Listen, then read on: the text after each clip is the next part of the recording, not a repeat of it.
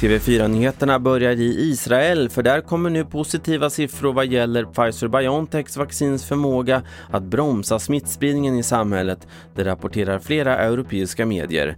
Tidigare har konstaterats att covid-vaccinet skyddar bra mot sjukdomssymptom men nu visar en studie från det israeliska hälsodepartementet att vaccinet har ett nästan 90-procentigt skydd mot att bli smittad. Och vi stannar kvar i ämnet covid för nu kan ny forskning ge en delförklaring till varför smittspridningen varit så låg i Finland. Det här enligt sajten Worldometer.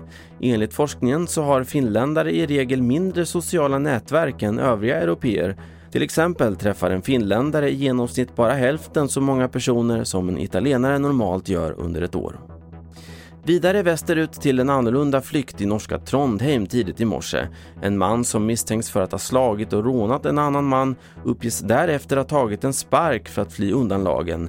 Enligt den norska nyhetsbyrån NTB var det offret själv som ringde polisen och anmälde överfallet. När polisen ryckte ut hittade de den övergivna sparken och kunde därefter spåra upp gärningsmannen. TV4-nyheterna Carl-Oskar Alsen.